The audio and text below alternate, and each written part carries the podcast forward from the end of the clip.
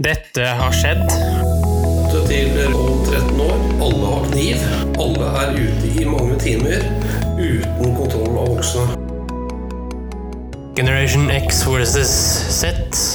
Sandberg Productions presenterer Den ekte samtalen om og med generasjon X og Z. Hold deg fast og nyt.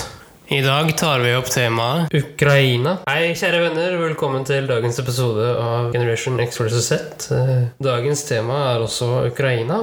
Per, har du noe umiddelbare tanke om Ukraina? Vel, Henrik, i min oppvekst så visste vi vel egentlig ingenting om Ukraina. Det var en lukket kommunistisk del av Sovjetunionen. Og eh, det var svært lite som man fikk rede på, verken i mediebildet eller andre steder. Så Ukraina var vel et, knapt et begrep vi visste nesten hva var for noe. Hva kjenner din generasjon om Ukraina, Henrik? Jeg kan ikke snakke for alle, men jeg kan snakke for meg selv. Og jeg vet at Ukraina var en del av eh, Sovjetunionen veldig mange år. Men jeg vet også det at Ukraina og Russland er veldig sammenslått med tanke på kultur og språk. Da. Men i den forbindelse, Per, så har jeg hatt et intervju med en ukrainer som gjør et lite dypdykk inni dette her med Ukraina og hvordan det Og sammenligner veldig hvordan det er nå, kontra hvordan det var under sovjettiden, da du vokste opp. Kjempespennende. Eh, La oss høre på det intervjuet. Veldig spennende, Henrik. Det gleder jeg meg til å høre. Er det på norsk, engelsk eller Vi snakker engelsk. Len dere tilbake og kos dere. Hjertelig takk. Bare hyggelig. My name is Natalie and I come originally from Ukraine, but currently for already five years, I'm living in Germany. And yes, what I'm enjoying right now to do is just teaching as a professional and as a hobby. So yes, maybe something more you would like to ask about me. Uh, in general, what would you like to tell us about the generations X and Z?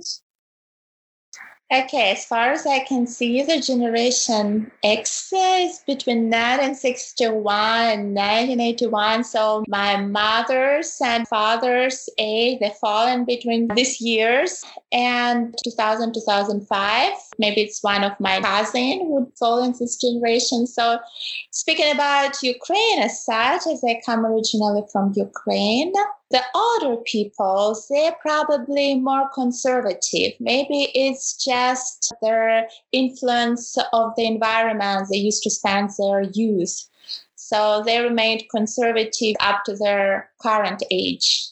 And the generation of 2000 2005 they are probably considered to be more open to the new things more open to the developments and more open to travel to explore the world to explore the possibilities and opportunities.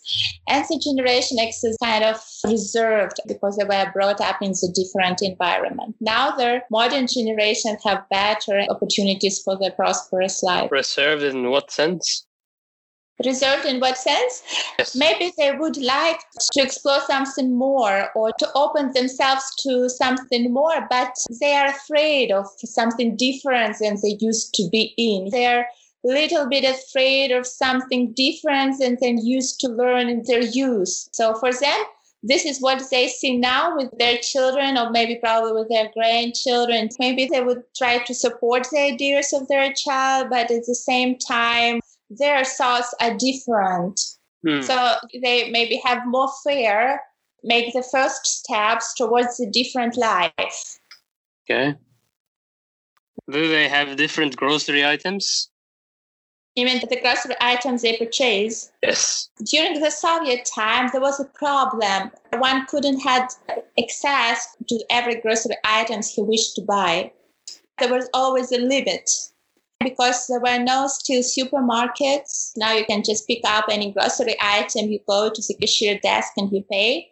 People had to stay in the long queues in order to get sausage or milk and even milk. For instance, when a woman had a child and she wanted to buy a milk, she had to submit the documents and she has a child and then she could have two milks instead of one. So it was really the deficit, yes, the limit of the products at the shops. At that time, the caviar, for instance, was extremely like sophisticated food, a delicatessen that they could have, and not even everyone on their table for the new year. Those families where people were working maybe as a policeman or as a doctors, yes, a well respected professions, those families could get better access to the grocery items through their connections. And so there was a problem to get whatever you want. Unlike now, you have access to anything. You can choose yourself whether you prefer to have healthy food or junk food because you can get anything. And in terms of what they prefer, the modern generation, I think they are more concerned of what they're eating, when they're eating, how they are eating.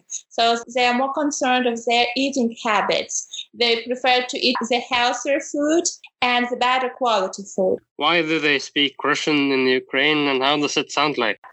They speak Russian, but official language is not Russian. Official language is Ukrainian. Why do they speak Russian? Because we were part of the Soviet Union until it collapsed. In 1991, Ukraine got independence. So until now, it was a part of the Soviet Union. And in Soviet Union, everybody spoke Russian. That's why all the books that are still in the archives and in the libraries and even in schools, we still have a lot of good books that are written in Russian language. That's why Russian and Ukraine both are native languages.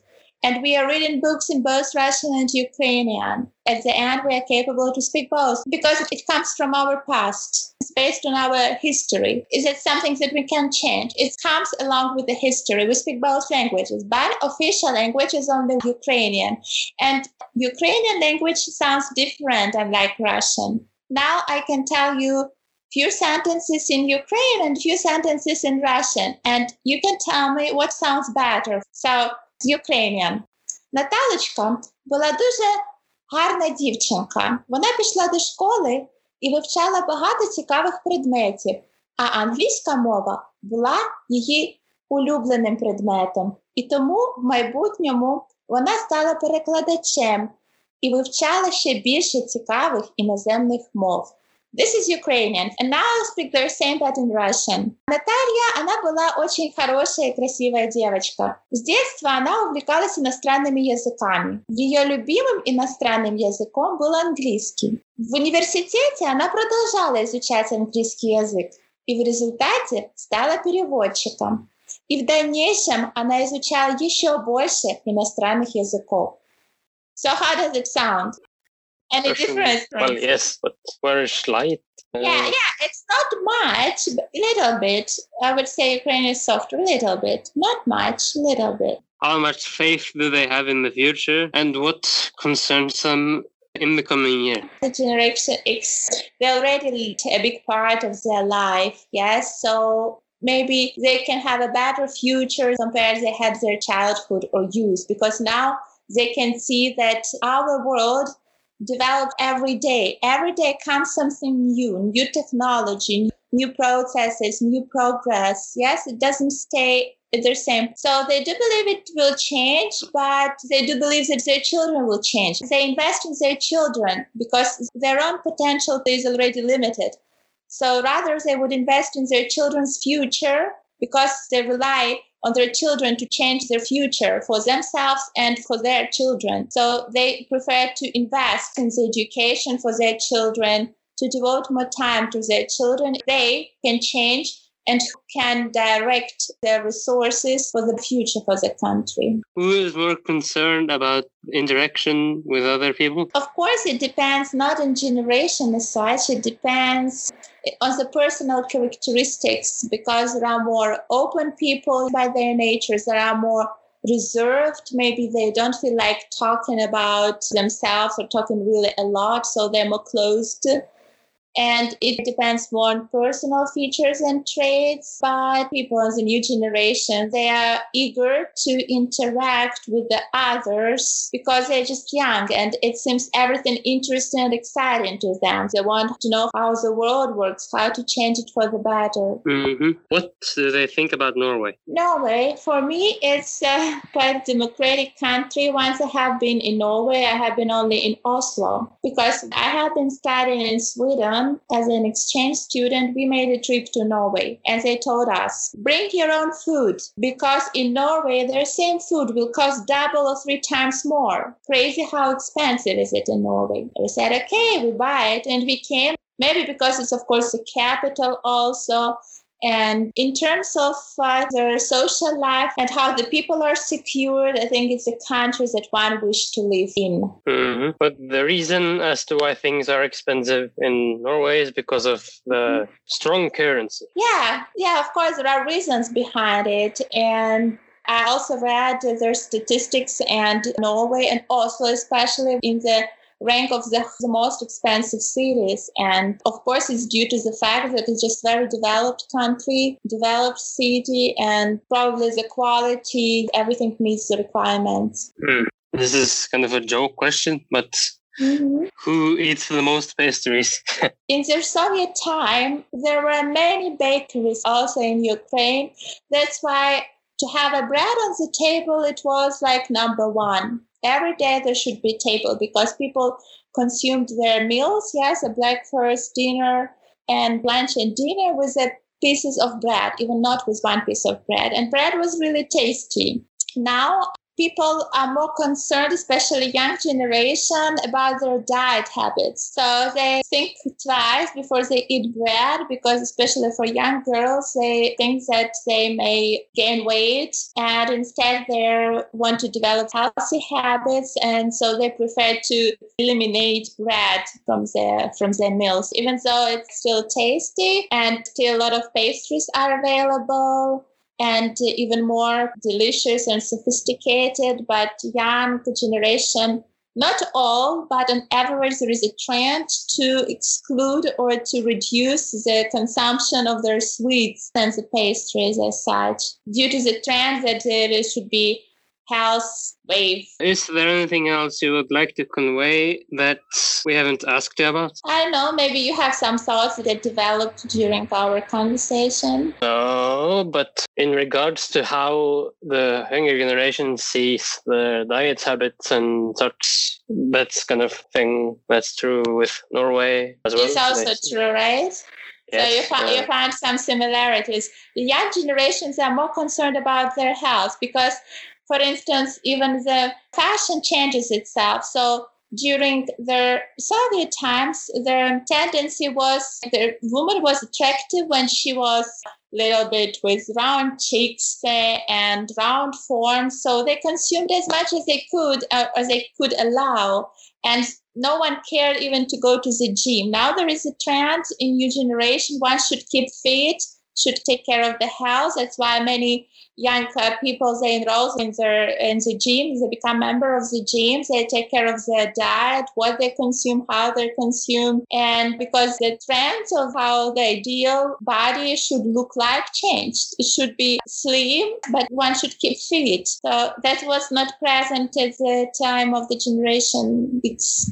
Well, is there anything else you would like to, as I said before, convey? The main idea I conveyed is that the new generation tries probably to follow the patterns of the Western world. So there, there are always patterns of the behavior of other countries, the developed countries. They serve as an example of us to follow. In the Soviet time, people were a little bit restricted to have access what is happening abroad. They were not allowed to, uh, not that they were not allowed, but not everyone could so freely go abroad and see what's happening there. And it was a really difficult process. Now we are more open to the world. We are we are also absorbing the patterns of the Western world. Also, bad habits as well. It's not about the good habits. So, unfortunately, it has its positive effect, but negative side as well. Like, for instance, drugs or all this negative wave throughout the world it through the media or through the, of tendencies also observed in, I think, in every country. Oh, yes, the same goes for Norway. Yeah,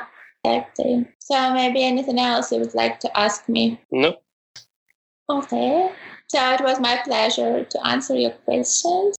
Ja, Per, hva syns du om eh, intervjuet? Jeg syns det var et fantastisk intervju, Henrik. Kanskje ikke alt jeg skjønte. Jeg tror jeg fikk med meg liksom hovedbolkene. Og det jeg synes var veldig interessant, det var å liksom høre hvordan de ulike generasjonene opplever dagens globale verden. På samtidig, Henrik, syns jeg det var dritkult av deg. Fordi du vet at jeg elsker gjærbakst, og at du bare stilte henne det spørsmålet. Det syns jeg var veldig kult gjort av deg. Og jeg syns Natalie var en veldig reflektert ung dame. Men hvordan vil du oppsummere hva Natalie fortalte? Altså, det hun fortalte meg om, var jo rett og slett en produksjon til dagens Russland og Sovjetunionen. Ja. Kan du utdype litt? Rana? Jeg vet at en eh, sovjetisk dame var attraktiv jo tjukkere var. Natalie det er en av mine russisklærere som har gitt meg mye input utafor podkastingens verden om nettopp Russland og Ukraina og den type ting. Hun fortalte at hun også hadde vært i Norge, i Oslo. Er i Oslo, ja. Hva mente hun egentlig om Norge? Etter hennes skjønn altså, var Norge et sted hvor man ville sikre seg å bo. Og det var pga. de sosiale spillereglene, nå vil jeg tro. Ja. Når du hører Natalie fortelle om generasjon Z, altså mer din generasjon, Henrik, Ja. føler du noe likhetstrekk mellom din kultur, altså din oppvekst i Norge, og det hun kan fortelle om Ukraina?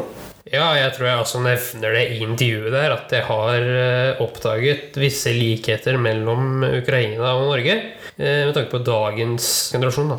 Hva kan du fortelle der? Det jeg kan fortelle der, er måten man spiser på, hva man spiser, hvordan man på en måte holder en slank figur. Den er så å si lik, om ikke identisk.